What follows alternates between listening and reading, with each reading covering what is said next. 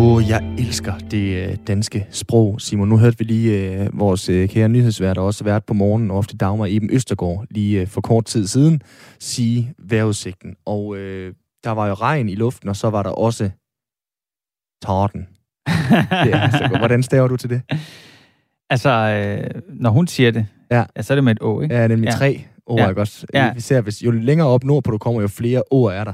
Men jeg, jeg er jo fra, jeg er fra Silkeborg, og øh, min kammerat, øh, min gymnasiekammerat øh, Joachim, Mm-hmm. han var altid glad for den måde, jeg sagde Joachim på. Fordi Mm. alle vores andre venner kalder ham Joachim.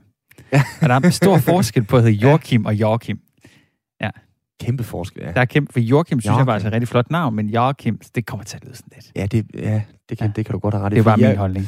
Ja, altså jeg har en, øh, en rigtig god øh, kammerat, som øh, hvis efternavn øh, er lidt det samme som øh, de ting, som øh, djævlen har i panden. Ja.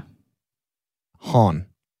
Ikke? Det er også bare, det, han hedder jo egentlig Horn, men, men det er bare sjovt, det der skisme der. Det, det kan vi snakke sådan rigtig længe om det her. Der er også håndklæde, eller Ja. ja. håndklæde, ikke? Ja. Også hvordan man udtaler det. Er bare. Vi øh, forsøger at tale formfuldendt dansk i hele den næste time af Firtoget. Det er i hvert fald det, du lytter til her på Radio 4, dit eftermiddagsprogram på øh, radioen her. Vi er her indtil klokken øh, 17, og øh, vi skal runde øh, en øh, hulens masse forskellige ting. Blandt andet skal vi på fodboldskole. Vi skal også runde hele den her EM-feber, og hvad en eventuel, nu siger jeg det Simon, EM-triumf vil kunne betyde for os rigtig øh, kulturelt.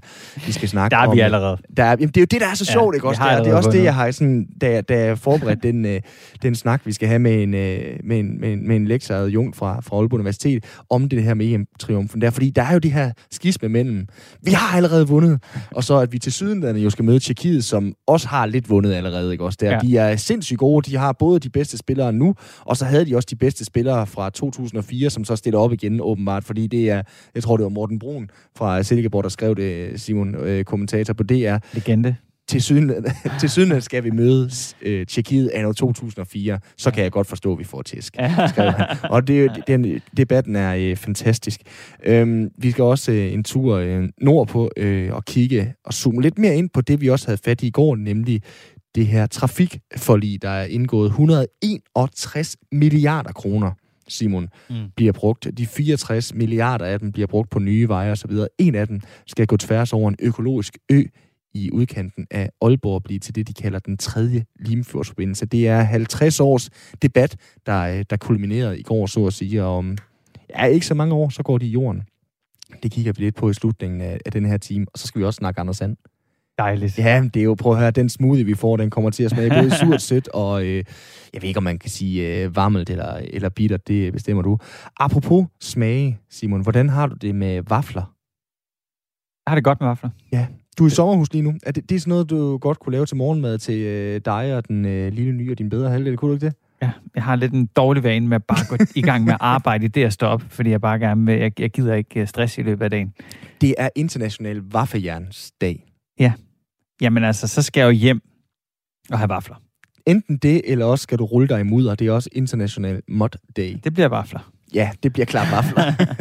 du øh, lytter til øh, Firtoget her på øh, Radio 4. Kan du ikke øh, få nok af sport, så øh, sluk for øh, din radio lige nu. Jeg synes, du skal lytte lidt med. Vi talte om folkebevægelsen mod VAR i går, Simon. Ja. De vil gerne have lukket ned for det her øh, Video Assistant Referee, som det står for. Og øh, så skete der jo hverken det værre eller bedre, end at fodboldkampen i går, kampene, øh, men primært den mellem Frankrig og øh, Schweiz, gik i forlænget spilletid. Mm. Og faktisk den sidste, Frankrig og Schweiz, helt i straffesparkskonkurrence. Og der reddede Jan Sommer, Schweiz's målmand, Kylian Mbappés sidste skud. Det er femte og sidste spark i straffesparkskonkurrencen. Han er kun 22. Og han er kun 22 år, Mbappé. Og så var øh, gækken løs. Folk, de var sindssygt glade for Schweiz, selvfølgelig. Nej, det var de faktisk ikke. Fordi Jan Sommer, målmanden, som altså reddede straffesparket der, han rejste sig op, og i stedet for at storme ud og juble sammen med de medrejsende fans og spillerne osv. der, så holdt han hånden op og sagde, stop, stop, stop, stop, stop. Vi skal lige vente til, at øh, vi rent faktisk er sikre på, at VAR ikke har underkendt min redning, og jeg ikke har bevæget mig fra stregen. Så det vil sige, at der gik 9 sekunder. Det må have føltes som det tusinddobbelte, Ja. før de kunne øh, juble. Og prøv at tænke sig 120 minutters fodbold, og så er det bare de her 9 sekunder, man venter på at få øh, godtaget, om, øh, om det hele det er øh, godt. Nu øh, stopper jeg lige, Simon, fordi øh, min skærm er gået i stå. Den er gået i stå, ja. fordi at, øh, jeg ved ikke, hvad der er sket her. Men lad os da bare gå videre til næste historie. Jamen, øh, jamen problemet er, at den skærm, der er gået den, i stå... Den tager jeg da bare så. Næste ja, historie. Jamen, du kan ikke starte nogen lyde, så... Øh, Nå, nej. Så lad os uh, se om... Uh, jeg siger bare en uh, lyd og uh, siger velkommen til uh, Firtoget, og så satser vi på, at uh, det går. Skal vi ikke det? Lad os gøre det. Du lytter til Firtoget med Simon Brix Frederiksen og Simon Schmidt. Du, du, du, du, nu skal vi tale om uh, Anders Sand. Har du læst meget Anders Sand? Faktisk ikke, nej. Det har jeg faktisk ikke. Jeg læste Stålanden. Det var jeg kæmpe fan af. okay. Men heldigvis ham, vi skal tale med, kan fortælle os rigtig meget om det. Jeg, jeg læste øh, lidt ikke meget. Jeg har en kæreste, der har læst det virkelig utrolig meget. Og har også en ven, som en af mine bedste venner er sådan fanatisk. Han har været på sådan nogle, øh, hvad, hvad hedder det, tegneserie-konferencer, hvor ham vi skal tale om, Don Rosa lige om lidt, øh, hvor han har været og få hans autografer. Det var et af de største øjeblikke mm. i min kammerats øh, liv.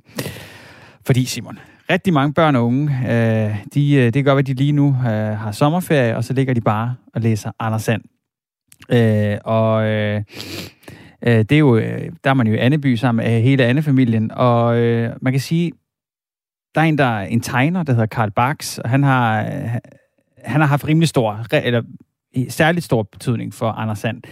Øh, eller der er en, udover Karl Barks, der har haft rigtig stort øh, hvad hedder det, øh, betydning, og det er den legendariske andetegner, Don Rosa, som i dag fylder 70 år. Og i den anledning, så har vi fået fat på intet ringer en, en Anneby-konsulent. Det er fedt. Det synes jeg er rigtig fedt. Thomas Skrøder, velkommen til programmet. Jo, tak. Jeg, jeg må starte lige med at sige, at det hedder uh, Tegneserie Festival.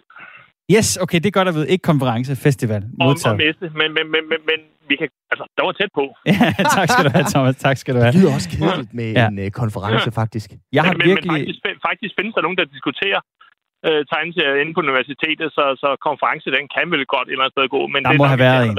Sin, sin autograf af Don Rosa.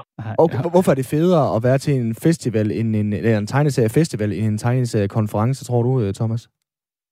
Jamen, det er jo netop fordi det her, at, at du kan få dine autografer af, af tegnerne, og du møder læserne, og du kan stå og snakke med dem øh, om, at, hvad synes du er fedt i den her, og prøv lige at se det her nye album. Og så, så, så, så og en konference, der, der, der, der sidder man og diskuterer det, det er mere nørdet med, hvorfor er næbet lidt skråt her, og er det højere det, eller lavere der. Og nu, så, så og ja. Thomas, som, som jeg nævnte øh, i starten, så øh, min kammerat, han går rigtig meget op i særdeleshed Don Rosa, og det var meget stort at få hans øh, autograf, og han sagde faktisk, at han så, synes, han så en lille smule ked af det ud. Men lad os lige starte med, til dem, der ikke kender til ham, hvem, hvem var, øh, hvem er Don, Ro, Don Rosa? Men Don Rosa er manden, der fik øh, de, blandt de danske læsere til at læse Anders And igen, da, da han kom til bladet i, øh, i slutningen af 80'erne, starten af 90'erne. Øhm, jeg er selv vokset op med, med Karl Barks, og, og, og Karl Barks er den ypperste. Ja. Og, og altså salgstallene på Egmont i det hele taget på, på Anders Sandblad har jo været fænomenale, og så øh, begyndte de sådan langsomt at dale, hvor der kom andre ting til.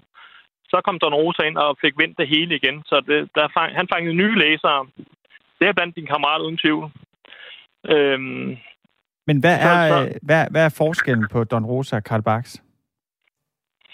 Jamen, Karl Barks er, er manden, der, der skabte det Anneby, vi kender i dag.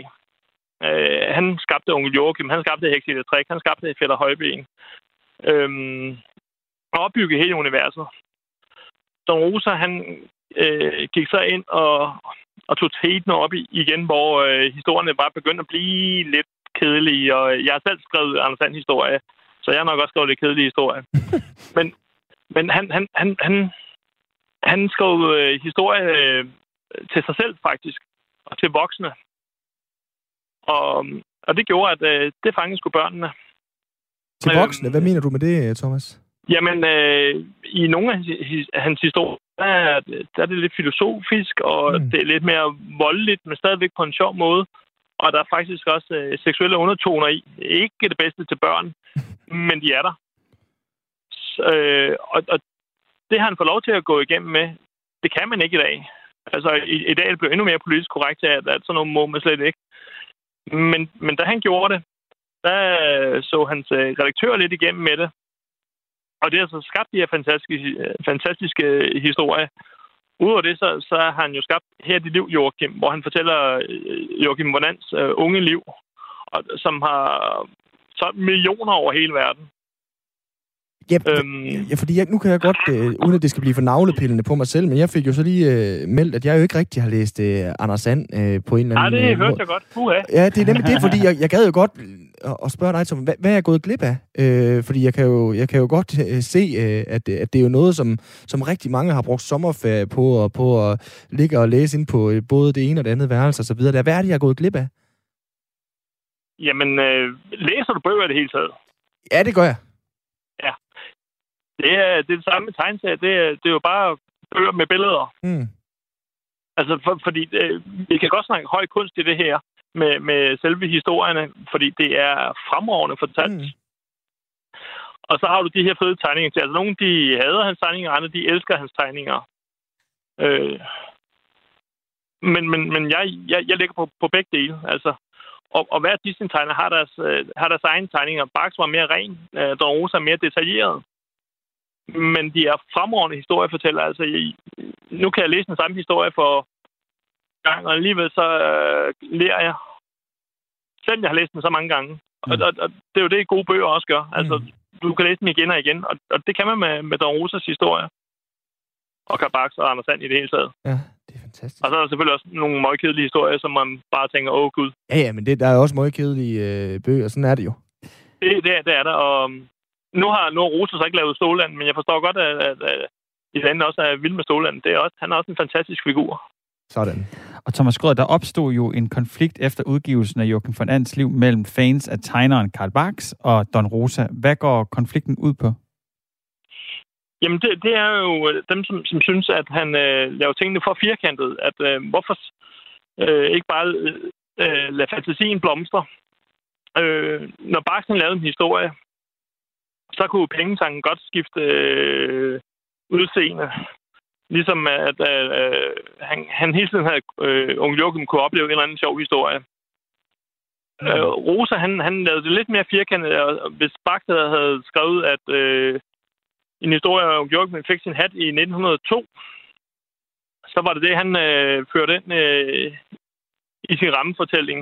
Og det er der så også andre tegnere, der har gjort, og andre forfattere. Øhm, Øh, og Rosa kan også godt lave pengetanken på, på andre måder.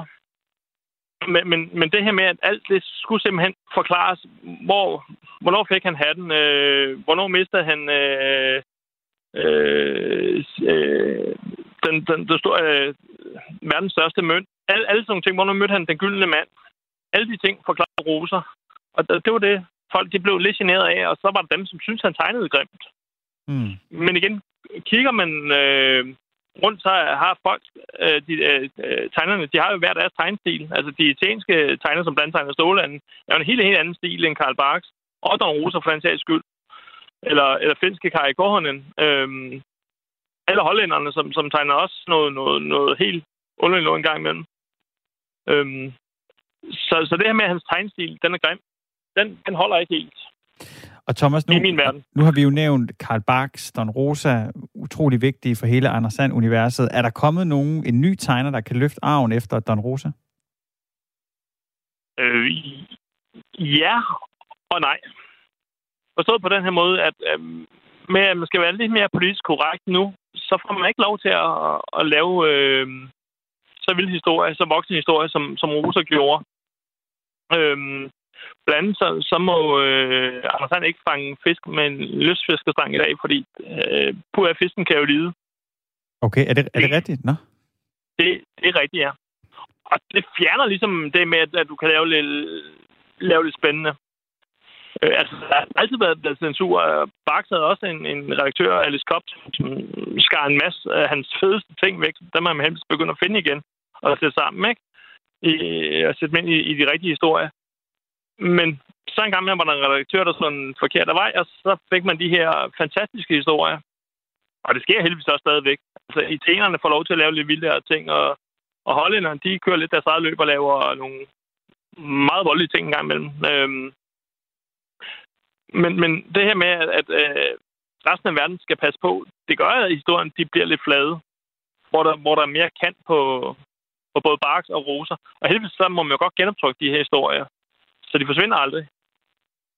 Men du har stadigvæk øh, nogle af de her nye forfattere og tegnere, som, som i gang imellem, de får lige vinklet øh, den ordentligt, og, og, og så selvom at man ikke må gøre de her ting, så laver de alligevel nogle fantastiske historier. Det er også det, der gør, at jeg stadigvæk elsker Anders Sand den dag i dag. Det synes jeg er en god måde at slutte på. Tusind tak, fordi du vil være med, Thomas Skråder, Anneby-konsulent. Jamen selv tak, og god dag. I lige måde. Og det var altså i anledning af Don Rosa. Det er jo også bare et episk godt navn. Det er virkelig et godt navn. Ja, det er virkelig ja. et godt navn. Øh, og hans 70-års øh, fødselsdag, at vi havde talt med øh, Thomas Skrøder. Så tager vi lige fat i det her skis med det her paradoks, Simon, fordi vi har jo nærmest vundet EM. Mm. Sådan er stemningen i hvert fald. Yeah. Der, der, der er alle mulige grunde til, at vi har vundet EM. Vi, vi skal godt sænke skuldrene, vi ja, har vundet, bare roligt. EM 92, det er allerede nu kun den første titel, det er ikke den sidste titel. Samtidig, så har Tjekkiet også banket os hele vejen ud af Baku. De ligger dårligt til os. Øh, de kan matche vores intensitet og øh, fysik, og vi er helt sikre på, at vi kommer til at undervurdere dem osv. osv. Så så mens EM-fiberen den raser, og øh, sofaeksperterne de øh, konspirerer, så, øh, så banker de her paradoxer altså også afsted. Men vi må være ærlige, Simon. Indtil videre, her den 29. juni 2021, så har vi kun vundet EM, og det var i sommeren 92 mm. og alt det der. Men udover de øh, uforglemmelige minder, så betød triumfen i Sverige også en, øh, en kulturel vitaminindsprøjtning til både spillerne og danskerne. Sådan et øh, skud selvtillid og selvforståelsesdoping til øh, nationen. Det er i hvert fald øh, noget af det, som øh, vores næste gæst øh, ved noget om. Nils Nygaard Rossing, velkommen til. Øh, jo, tak. Tak skal du Ja, selv tak. Adjunkt og øh, forsker på idrætsuddannelsen på Aalborg Universitet. Øhm, Niels, vi kan jo godt lide gratis ting, os danskere. Du siger, at EM92 gav os noget gratis selvtillid og positivitet. Hvad mener du med det? Jamen, jeg mener, at, øh, at, at øh, europamesterskaber, verdensmesterskaber og, og sådan set også øh, olympiske lege, det, øh, øh man kan se det som sådan en øh, løbende fortælling, øh, sportslig fortælling, som øh, vi hele tiden forholder os til øh, som, øh, sofa-eksperter, øh, eller også idrætsudøvere. Fordi det er øh, vores topprofessionelle idrætsudøvere, de forholder sig også til den der fortælling. Øh, så når man vinder et, et EM, som vi gjorde i 92, øh, jamen så ser øh, de her idrætsudøvere lige pludselig, jamen det kan faktisk godt lade sig gøre. Og, og det hjælper dem faktisk i, i, i troen på, at i troen på det umulige, som det i hvert fald var indtil, indtil 92. Øh, så på den måde, så, så selvom de nogle af dem måske ikke engang var født, jamen så, øh, så skriver de sig ind og forholder sig til den fortælling, der er om, øh, om, om, om Danmark øh, dengang. Øh, øh, og, og Ja, ja. Kan, kan, kan en ny EM-triumf øh, det samme, eller, eller kan mindre gøre det? Altså den eufori, øh, som vi ser øh, mm. hele landet rundt pt., altså, kan mindre gøre det, eller skal vi have guldmedaljerne, før vi vil se lidt af det samme? Jamen, der er stor forskel på at, at komme i finale og så, øh, og så vinde den. Øh, men selvfølgelig allerede nu øh, kan man i hvert fald øh, se, at, øh, at øh, man har noget at have øh, selvtilliden i, øh, som, som landshold og også som spiller, at øh, de begynder allerede at forholde sig til, jamen, med, med, med den kvartfinale, som er faktisk noget ret langt i forhold til, øh, til, øh, til hvad man tidligere har gjort. Det er mange år siden, man, man er nået så langt. Så allerede nu øh, så, øh, så, så vil jeg mene, at de faktisk allerede har fået mere selvtillid. Men, men øh, at gå hele vejen, så, øh, så vil det helt klart bringe noget til, øh, til dansk fodbold. Øh, måske også dansk idrætsforståelse i det hele taget. Ja, det er jo der, det måske kan, kan virke lidt øh, abstrakt på nogen måde, når vi også snakker om, om, om det her med kulturel betydning og så videre. Der, nu sidder vi to øh, fodboldfyre i hvert fald i det her øh, studie, og selvfølgelig bare glæder os helt vildt til, til på lørdag. Men når vi sådan skal tale om den kulturelle betydning af så stor en triumf som eksempelvis EM92, hvad betyder det så øh, konkret? Ja, det, det er lidt svært som helt konkret, hvad, hvad det betyder, men, men, øh, men vi arbejder ud fra sådan nogle... Øh, Øh, vi mennesker arbejder ud på sådan nogle mentale forestillinger, øh, og, og noget af det øh, EM, VM og OL kan, det er også, øh, øh, at vi forholder os til en mental forestilling om, om nationen. Øh, så det, at nationen har succes, øh, det, det afler også sådan en selvforståelse af, at vi er nogen, der har succes. Vi er nogen, der, der godt kan. Øh, vi kan være dem, vi er, og så alligevel øh, nå rigtig langt. Øh, måske endda også vinde. Øh, så på den måde helt konkret, jamen så, så, øh, så vil de enkelte spillere også ude i klubberne også få, få mere selvtillid. Øh, fordi de faktisk har spillet mod dem, der er holdkammerater med dem osv. Øh, så helt konkret, så, så vil det faktisk betyde det. Omvendt kan man sige, det, hvis vi taber en straffesparks konkurrence endnu en gang, så er det, så er det anden gang i en slutrunde, at, at vi taber til en i, i straffespark. Og det, det, det, det kalder man sådan en stereotyp trussel øh, med et teoretisk begreb. Øh, og der, der må man sige, øh, det er der jo far for, fordi vi, vi tabte straffesparkskonkurrencen sidste gang til, til Kroatien. Mm. Hvis vi så gør det igen, jamen, så begynder vi faktisk at have en, en negativ selvfortælling om, at vi er dem, der, øh, der ikke vinder straffesparkskonkurrencer. Vi kommer ikke op på, på, på den fortælling, der er om England og straffesparkskonkurrencer. øh, der, der er et stykke vej endnu. Øh, jeg mener kun, de har vundet en ud af en 7-8 stykker. Øh, Yes, øh, så, det, så det, du siger, det ligger ja. simpelthen i dem rent kulturelt nu, at, at hvis de skal spille øh, kvartfinale, eller nu skal de selvfølgelig lige vinde deres, øh, deres kamp i dag mod Tyskland, men, men, men det ligger nærmest kulturelt i dem, at hvis de ryger straffe i dag, så taber de. Ja, altså, de er jo op mod øh, dem, der øh, historisk set er allerbedst øh, til at vinde straffesparks konkurrence, nemlig Tyskland. Jeg tror, de har vundet 7 ud af 8, øh, mens, mens det nærmest er med omvendt foretegn for, for England. Så der kører faktisk allerede en his, historie om øh, de her straffesparkskonkurrencer. Jeg mener godt nok sidst øh, til, til VM i Rusland, der mener jeg faktisk, at England vandt en straffesparkskonkurrence, og det var første gang i mange, mange år, flere årtier. Øh, så på den måde, så, så skal englænder nok forholde sig til, at, at øh, man faktisk godt øh, kan punktere den myte, vi har faktisk gjort det før. Mm. Men de er over imod en stærk, stærk selvfortælling. Øh, også selvom de ikke har været med før, de her spillere, de bliver suget ind i den der fortælling. Øh, og de fortællinger, der er. Øh, så det kræver endnu mere mental styrke, når man, øh, når man har en fortælling imod sig, end en, en fortælling, man har med sig. Ja, på den måde øh, avler succes også lidt succes her. Ja, det var nærmest som om, at Jordan Pickford, Englands målmand, han kunne have fået et, uh, et knighthood, fordi han lige gjorde op med den der selvforståelse af straffesparkskonkurrencer. Hvor meget handler det om sport, det her? Altså, jeg spurgte nemlig lidt tidligere, det her, når vi ja. snakker kulturel betydning. Hvor meget handler det øh, om, om holdet, gruppen, og hvor meget handler det sådan om, om os som nation, kan man sige, når ja. vi vinder? Mm.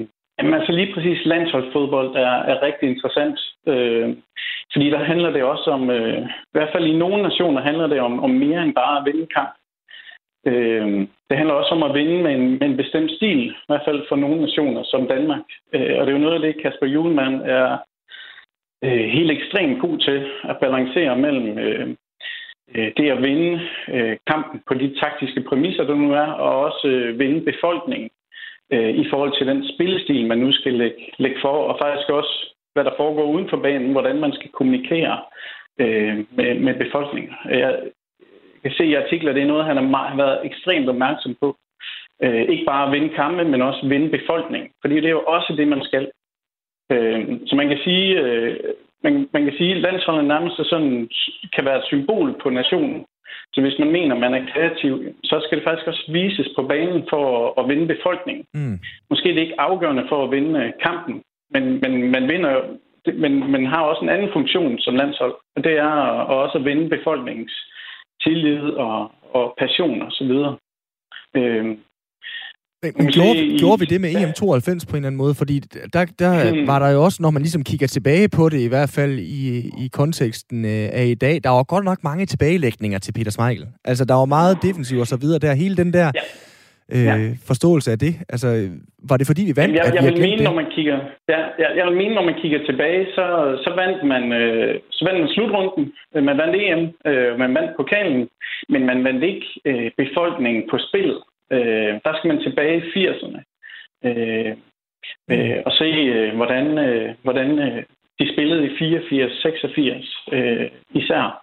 Øh, det, det er nok der, hvor vi har det, man inden for kulturteori kalder sådan uh, kulturel uh, blueprint, uh, sådan et vandmærke uh, af dansk fodboldkultur. Det er også noget af det, uh, Julemand, selvfølgelig en moderne udgave, uh, øh, prøver at fremvise. Øh, det er det, der vækker begejstring øh, mest blandt befolkningen.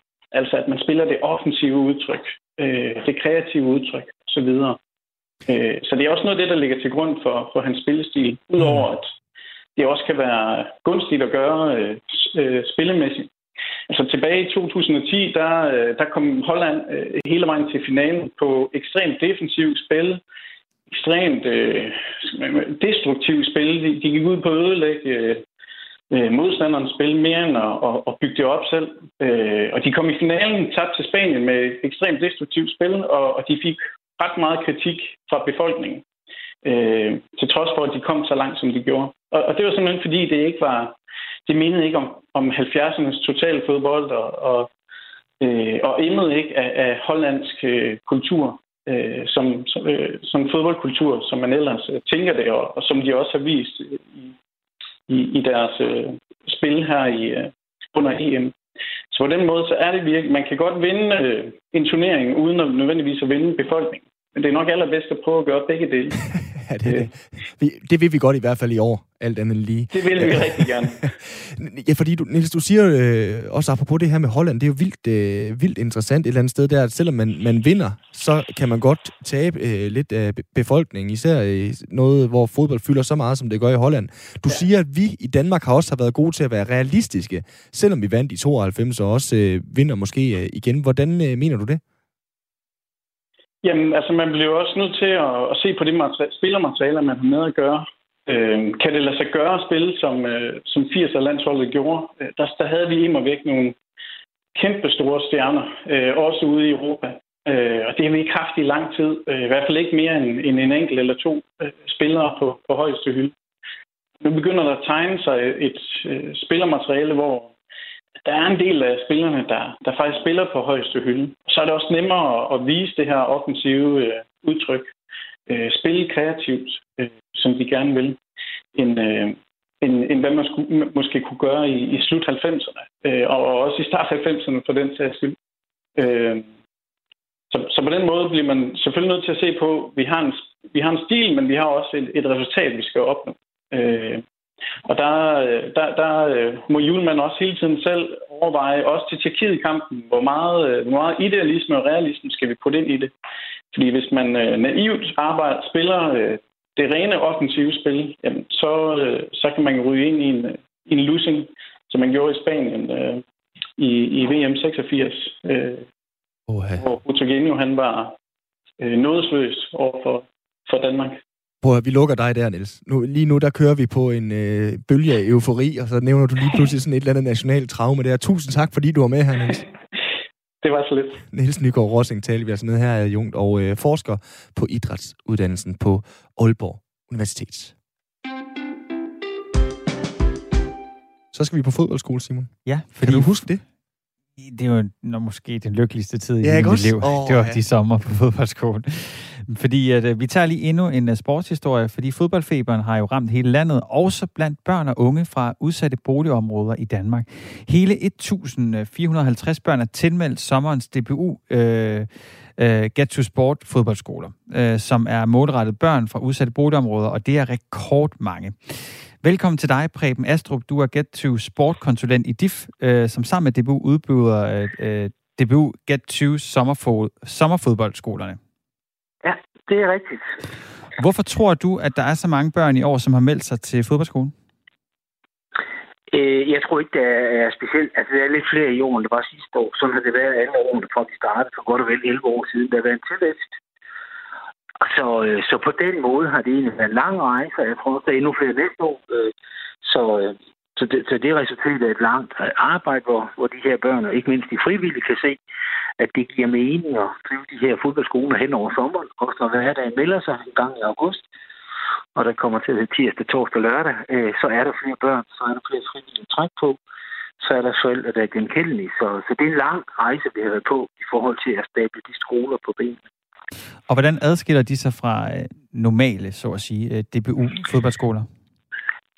Ja, altså på den ene side øh, plejer vi at sige, at de adskiller sig ved netop ikke at adskille sig på de øh, almindelige fodboldskoler. I hvert fald indholdsmæssigt skal jeg komme tilbage til. Men prisen er overkommeligt. Det er en almindelig fodboldskole, der skal mor og far. Så Sørge for, at de bliver meldt til. De klarer forældrene selv. Forældrene betaler selv, hvad det koster. Og der er der rigtig, rigtig mange af de børn, der bor i omkring de her områder. Jamen, det magter forældrene ikke. Det kan skyldes mange ting, men også i høj grad den økonomiske situation, det er i. Så, så øh, skolerne har en helt anden pris. Så man, øh, man får dem til en noget billigere pris. Det er lidt forskelligt. Spænder mellem 100 og 200 kroner for en uge. Så, så det er den store forskel. De får den samme pakke, budgetstræber på det samme forløb igennem. Vi rekrutterer betydeligt flere lokale frivillige trænere, end man almindeligvis gør på DBU's fodboldskoler. Også fordi, som jeg sagde før, det handler om den her hverdag, der kommer efterfølgende. Og der har vi brug for, for lidt ekstra øh, hænder øh, for at få den hverdag til at hænge sammen. Og hvordan rekrutterer I børnene fra de, øh, fra de udsatte boligområder? Om alle de her skoler kører i reglen øh, i et tæt samarbejde med de lokale kommuner. Det kan være i Skiglas, deres boligsociale indsats, som er boligforeninger. Det kan være den lokale folkeskole, der er meget bevidst om, hvilke børn, der får en meget lang sommer. Øh, og de der øh, samarbejdspartnere, vi har kommunalt, jamen de er, øh, de er meget opmærksomme på, hvilke børn det er, vi, vi, har, øh, vi skal have fokus på. Altså, vi har jo en, en daglig indsats, og har haft mange år, der hedder Get to Sport, som jo er 52 uger om året. Øh, 52 uger om året. Så det er ikke sådan en sommer-event, vi laver. Det er en øh, sommerskole øh, i en helt almindelig hverdag i de her udsatte boligområder. Så, øh, så børnene ved øh, som regel alt år før, at de har den her skole til sommer. Og, så så det, det, det er den der lange proces, der når frem til, at vi finder de rigtige børn. Preben, øh, DBU de bryster sig jo af at være en del af noget større. Hvordan passer ja. det ind i den her tanke om Getsus uh, fodboldskoler? Vi synes, det passer rigtig godt ind. Jeg vil sige det på den måde, jeg bruger nogle gange eksempel, da vi, havde, da vi har den første Get to fodboldskole for 11 år siden i Gellerup. Der kommer en af dine kollegaer på P1 forbi. Hun render rundt i en halv time og researcher, og siger så til formanden lidt forundret, hvad er det egentlig, der er særligt ved den her fodboldskole? Mm. Og så formanden han siger med stolthed stemme, det her, det er en rigtig fodboldskole. Og så siger hun lidt lakonisk, der findes måske forkerte fodboldskoler, hvor til han svarer, ja, det gør der. Sådan en havde vi sidste år. Sidste år fik alle børn en t-shirt, hvor der stod Socialcenter Vest på brystet, Brabrand Boligforening på den anden, og SFP på den tredje. Nu står der Adidas og DBU.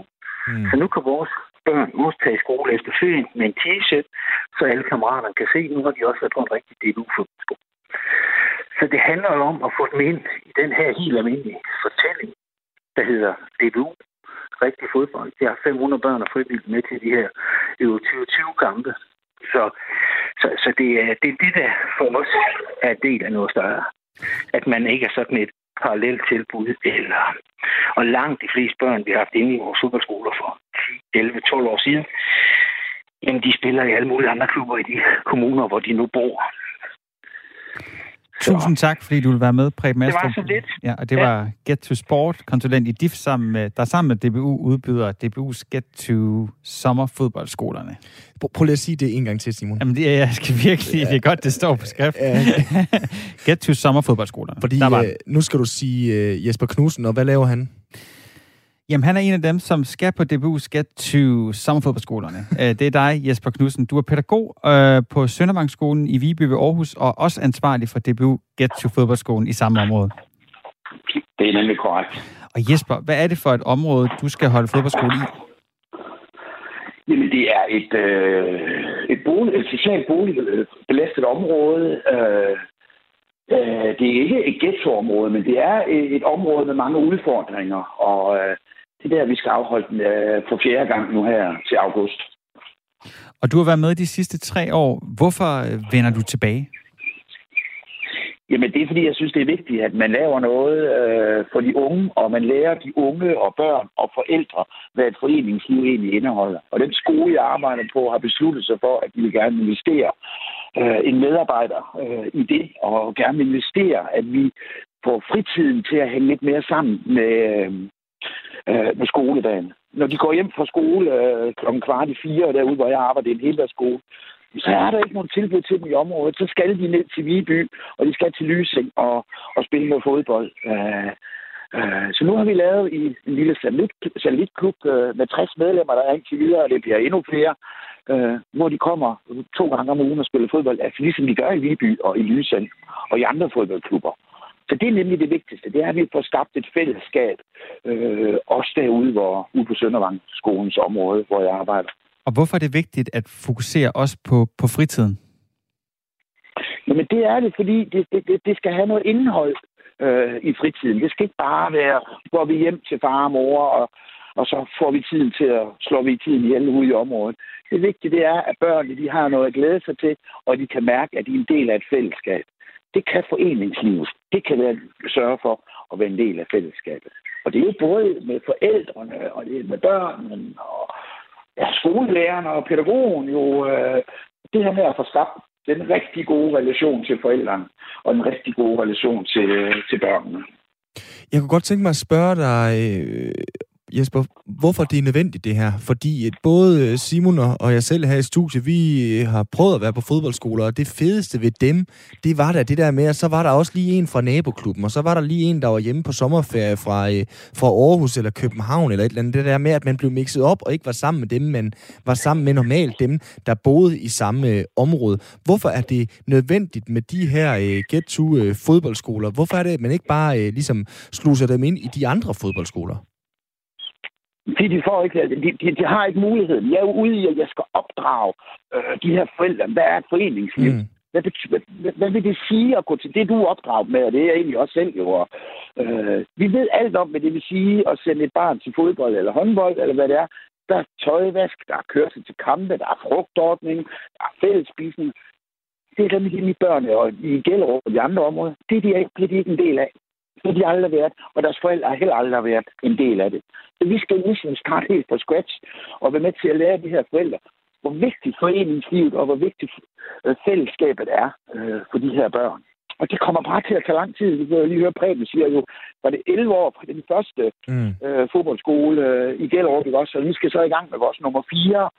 Ja, men det skal komme til at tage 11 år også. Øh, øh, før vi... Og vi bliver nok aldrig færdige, men det er også ligegyldigt. Vi skal bare finde de der ildsjæle, mm. der kan være med til at bringe det videre. Har I fundet nogen af dem, Jesper? Har I nogle af de ildsjæle? Ja, ja. ja, det har vi. Vi har masser af ildsjæle. Og det er jo det, der er så fantastisk. Det er jo, at de her forældre, de vil bare så gerne. Mm. Øh, men de har bare ikke... Altså, og det er ikke kritik af, af, af, af Viby eller Lysing eller andre. Men det kræver bare en kæmpe indsats at få de her forældre med øh, i det. Øh, og det har jeg tiden til, og, og det har de andre ildsjæle, som jeg træner sammen med, at jeg egentlig øh, eller står for. De ildsjæle, og de får de her forældre med. Øh, og så er det, at vi begynder at, at kan flytte noget, når vi får forældrene med ind over. Lidt ligesom da du var barn, når man sad og var ude se en fodboldkamp, en, en kamp for otte år, jamen, så stod alle forældrene jo fast. Mm. Men det var ikke et problem om at finde en bil. Altså, jeg har kæmpe problemer, når jeg skal ud og spille en femmandskamp, fordi at jeg, jeg skal bruge to biler, og jeg har min egen. Men så skal jeg ud og finde en mere. Og det allervigtigste, det er jo også at fortælle de her børn, øh, at vi skal ud og spille i Stavdrup, og vi skal ud og spille i Harlev, og vi skal ud og vise, at vi også er der. Øh, og det gør vi altså ved at komme ud og spille kampe. Men det skal nok komme, det er 100% overbevist om. Det er, det ulmer på den gode måde. Lige her til, til sidst, øh, Jesper Knudsen.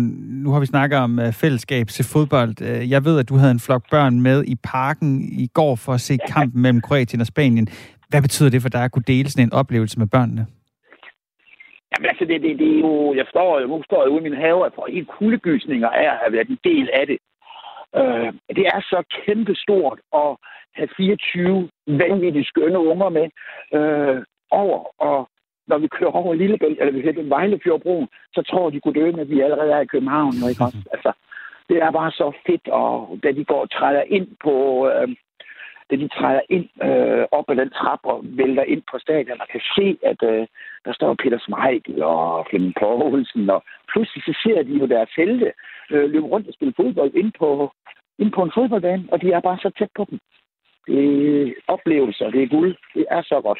Det er guld, og det er en dejlig måde at slutte det her interview på. En snak med dig. Tusind tak, fordi du vil være med, Jesper Knudsen.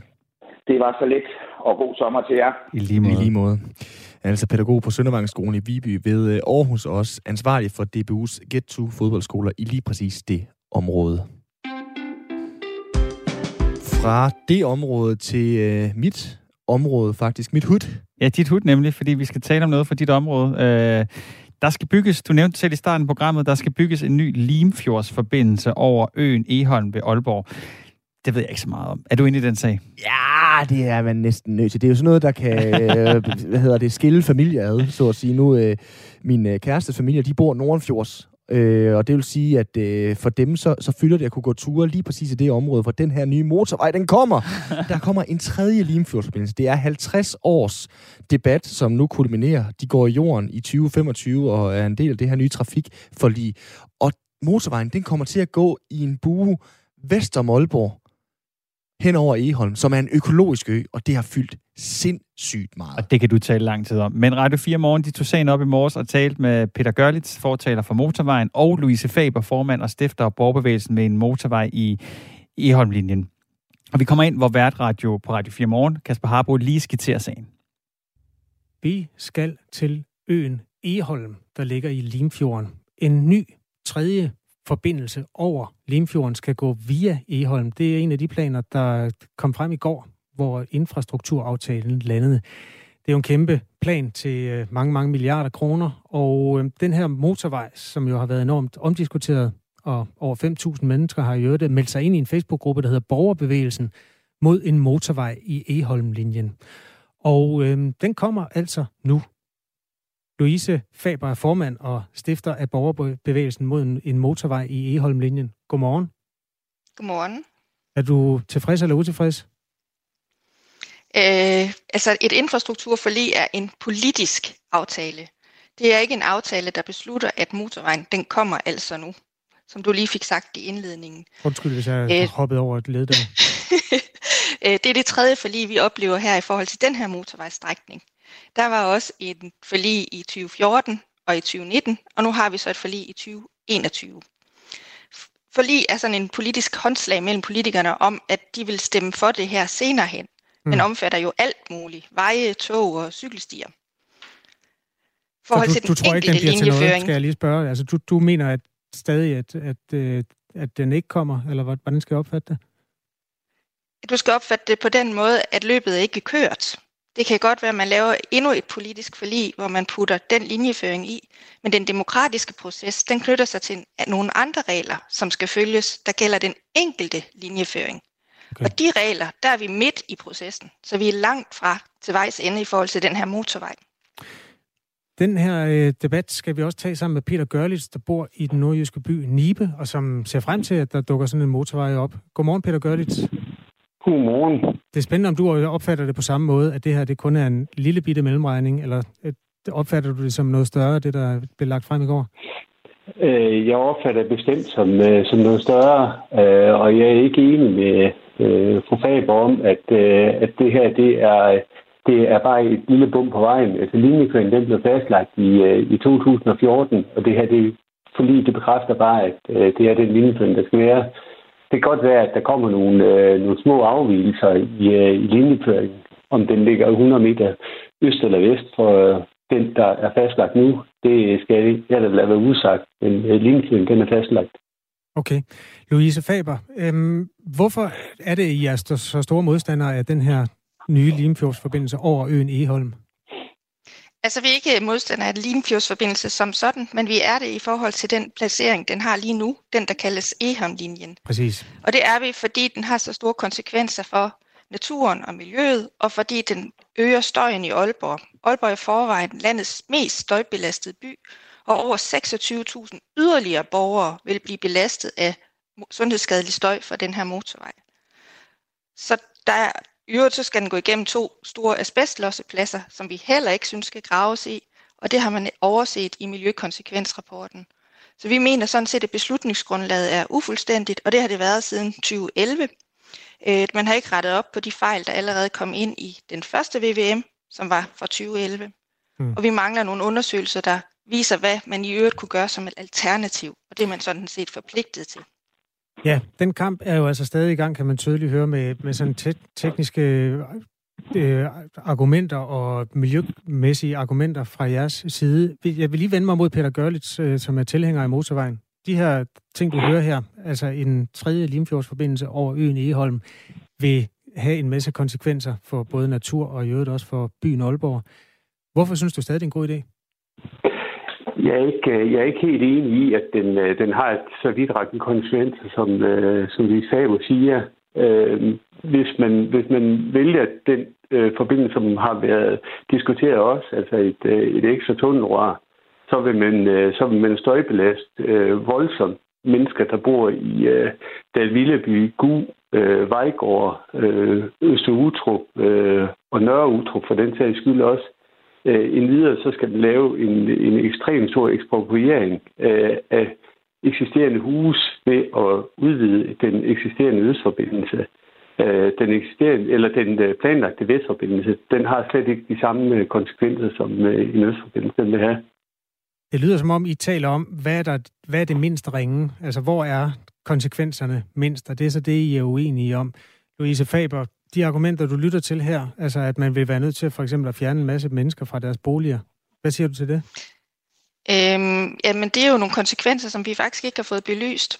Det, man undersøgte i 2011, det var et ekstra, to ekstra rør, altså seks ekstra spor i forhold til de nuværende seks spor under Limfjorden. Vi har faktisk ikke en undersøgelse af, hvad, hvad det vil have konsekvenser med kun et enkelt rør. Så det her med, hvad det har konsekvenser i Aalborg Øst, det er jo på, på gæt, for vi har faktisk ikke de undersøgelser. Og det er noget af det, som vi blandt andet også er utilfredse med, fordi vi mener, at de oplysninger skal frem, så vi kan finde det mindst skadelige alternativ. Jeg er simpelthen ude af stand til, undskyld Louise, jeg er nødt til at sige, at øh, jeg ikke, jeg, vi kan simpelthen ikke nå lige at hale de øh, mennesker, de embedsfolk, som står for de pågældende rapporter ind, og, og så de kan forholde sig til den kritik, som nogle steder er sådan øh, ret kras, når man siger, at forarbejdet ikke er lavet godt nok. Øhm, men sådan på den mere ideologiske plan, hvis du skulle vælge mellem, altså øh, for eksempel at, at fjerne en masse huse, fordi man skulle ekspropriere og lave plads til det, vil det være en, en omkostning, som du synes, der var bedre at betale, frem for at, at det får nogle konsekvenser for natur og for øh, støjen i Aalborg? Altså, du skal stadigvæk ekspropriere 178 matrikler på Vestforbindelsen, så det der tal, ideologisk set, det synes jeg skal frem, og jeg synes ikke, at det er tekniske ligegyldigheder. Nej, det tror jeg ikke, jeg har sagt heller. Jeg ved ikke, om du oplevede det sådan. Altså, jeg arbejder med VVM-vurderinger, og det at beslutte en motorvej, det er ikke et spørgsmål kun om følelser. Det er faktisk noget fakta. Og der gælder altså nogle lovregler omkring, hvordan sådan VVM, hvad den skal indeholde, og hvilket niveau den skal have. Og der, når man træffer sådan en trafikforlig, så kender de ikke indholdet af de her VVM'er. Så det kan godt være, at min kritik er kras, men det er altså det, jeg har sagt igennem 10 år. Det er det, bevægelsen har 5.000 medlemmer på Facebook, fordi vi er alle sammen opmærksom på, at der er fejl i den VVM-rapport. Man har truffet beslutninger på et fejlagtigt beslutningsgrundlag. Og det synes jeg ikke, der er nogen som helst, der kan være tjent med. Peter Gørlitz, øhm, du hører Louise Faber, som altså arbejder med VVM-rapporter, gør redde for, at hun mener, at der simpelthen helt videnskabeligt ikke er lavet et stykke ordentligt forarbejde. Hvilket indtryk gør det på dig? Jamen, det gør stor indtryk på mig, at, øh, at der, der er så, øh, hvad skal man sige, så stor modstand øh, mod en, øh, en vestforbindelse. Øh, og jeg tænker, at, at fremadrettet, der er, det, der er det utrolig vigtigt også at tage modstanderen med ind i, i den kommende vestforbindelse, og så høre på deres argumenter, og så få taget øh, på det, få det indarbejdet i, øh, i vestforbindelsen. Der er simpelthen ikke noget, jeg hellere ville, end at øh, halvere den, øh, den private trafik, øh, sådan at vi slet ikke har brug for en, øh, en, en ekstra linjeforbindelse. Men det tænker jeg bare ikke, at det er, det er en mulighed. Øh, Sagen er, at, øh, at, at vi har en flaskehals, at der, der er, er truende, øh, som det er i dag, øh, og den flaskehals, det skal vi simpelthen have fjernet. Hvis at vi laver en, øh, et, øh, et ekstra rør, som øh, Louis Faber argumenterer for, så vil det faktisk være, altså kapaciteten ved det ekstra rør, det vil være, øh, det vil være opbrugt allerede syv år, eller tre år før, at den er gennemført. Så vi laver en, en halv løsning ved at, at, at lave et, et ekstra rør som, øh, som nødforbindelse. Øhm, med i Radio 4 Morgen er altså lige nu Louise Faber, modstander af en motorvej, der går hen over øen Eholm i forbindelse med, at man arbejder med en tredje forbindelse hen over Limfjorden, og så Peter Gørlitz, der er tilhænger af motorvejen. Øh, måske skal vi lige rise op, at der er jo altså to måder at krydse Limfjorden på. Man kan gå under ved at køre gennem den øh, tunnel, som er den mest brugte trafikåre. Og så er der også en bro, der går ind igennem Aalborg. Men det er jo altså øh, med det klassiske problem, at trafikken nedsmelter med jævne mellemrum. Og det er derfor, der er brug for, og har i nogens optik i mange år været brug for, en tredje forbindelse. Jeg tager lige uh, lidt post, der er kommet ind her. Morten Marinus har siddet i Folketinget. Han har også været viceborgmester i øh, Jammerbugt Kommune. Han skriver sådan her. En vestlig Limfjordsforbindelse er den eneste rigtige løsning, hvis man vil løse de trafikale problemer ved både den nuværende tunnel i øst, men også Aalborg og Sundby Midtbo ved Limfjorden. Nej, undskyld, ved Limfjordsbroen i myldretiden. Det løser en ekstra østlig forbindelse ikke. Altså en østlig forbindelse, det det, som ikke er over øen øh, Eholm. Derudover, fortsætter han, vil en vestlig forbindelse over Eholm også være en løsning, der forbinder Vendsyssel og Han Herred bedre sammen med resten af Jylland. Og til slut er der ikke plads på land eller mulighed for, på grund af bundforhold ved den nuværende tunnel, at lave endnu en udvidelse af den østlige forbindelse. Det er kun ønsketænkning for folk, der ikke ønsker at løse alle de trafikale problemer. Øhm, ja, vi kan lige nå at høre fra jer begge to her til sidst, Louise Faber. Er det ønsketænkning? Øh, det med fundamentet i forhold til Østforbindelsen, det er et udokumenteret postulat, som vi har hørt mange gange, og der er faktisk masser, der mener, at det kan sagtens lade sig gøre på at lave et ekstra rør ved siden af den nuværende tunnel. Det er en mindre indgribende løsning, end at lave en højbro langs de vestlige bydele i Aalborg på søjler, der skal være 4-6 meter høje, og nogle steder helt op til 10 meter høje, langs en hel by. Det er 800 meter fra den eksisterende beboelse. Vestforbindelsen er placeret. Peter Gørli, har du en kommentar til sidst. Den skal være lidt kort, for der er nyheder om lidt. Jamen, jeg skal nok gøre det meget, meget kort. Øh, det, øh, linjeføringen vest om, øh, om Aalborg, den har været fastlagt siden 2014. Størsteparten af dem, der er flyttet ud, øh, det er bygget efter 2014. Der er nogle enkelte områder omkring Mølholm, øh, og nogen øh, omkring Hasser Inge, der ikke er nybyggelser, men ellers så er mange af det nybyggelser. Så dem, der er flyttet ud, de har været klar over konsekvensen. I skal have tak, fordi I vil med i Radio 4 morgen, begge to. Øh, Louise Faber og Peter Gørlitz. Ha' en god dag, begge to. Tak. tak. Der har blandt andet været øh, alsang mod den her forbindelse. Så har de, øh, de har vi tidligere også dækket her i øh, Radio 4 på 4 at der simpelthen har været folk, der har mødtes ud ved det, der hedder Verdens Ende, hvor der er udsigt lige over til øh, Leholm, lige over til Tyskerdæmningen ja. på Eholm, hvor de simpelthen har mødtes og så sunget sange og markeret, at øh, det her er ikke noget, der skal øh, være i vores baghave, så at sige. Der var du selvfølgelig med. Øh, jeg har ikke været med. Nej, det har, det har jeg dog ikke der, men der, det har Jeg starter min, rygten Ja, gør det. Brix var med. Ja, lige præcis. Så sunget højt og sunget stolt. Øhm, det var min svigerfamilie faktisk. Og så samtidig så er min far øh, Sønnefjords fra, han har lige haft diskussion med min, med min kæreste. Det har været, øh, det har været episk at, at være vidne til det her. Det er virkelig noget, der kan, der kan splitte. Hvad, The Tale of Two Cities, er det ikke det, den hedder? Jo. Ja, volume 2.0, det er altså øh, heroppe nordpå. Simon, vi har ikke forfærdeligt meget øh, tilbage af 4 for i dag. Nej. Vi øh, prøver igen i øh, morgen. Vi kan lige nå at nævne fodbold. Frank de Boer er blevet fyret som hollandsk landstræner. Apropos det, vi talte om tidligere med kultur og så videre der.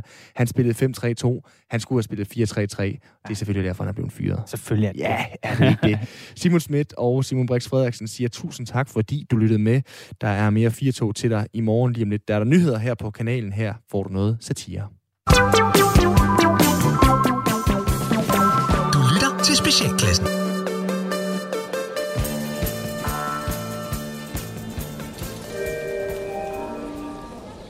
Så står jeg igen her på Aarhus Hovedbanegård for at spørge en tilfældig dansker, hvor han eller hun er på vej hen. Og øh, ja, nu kan jeg se, der kommer en lidt der.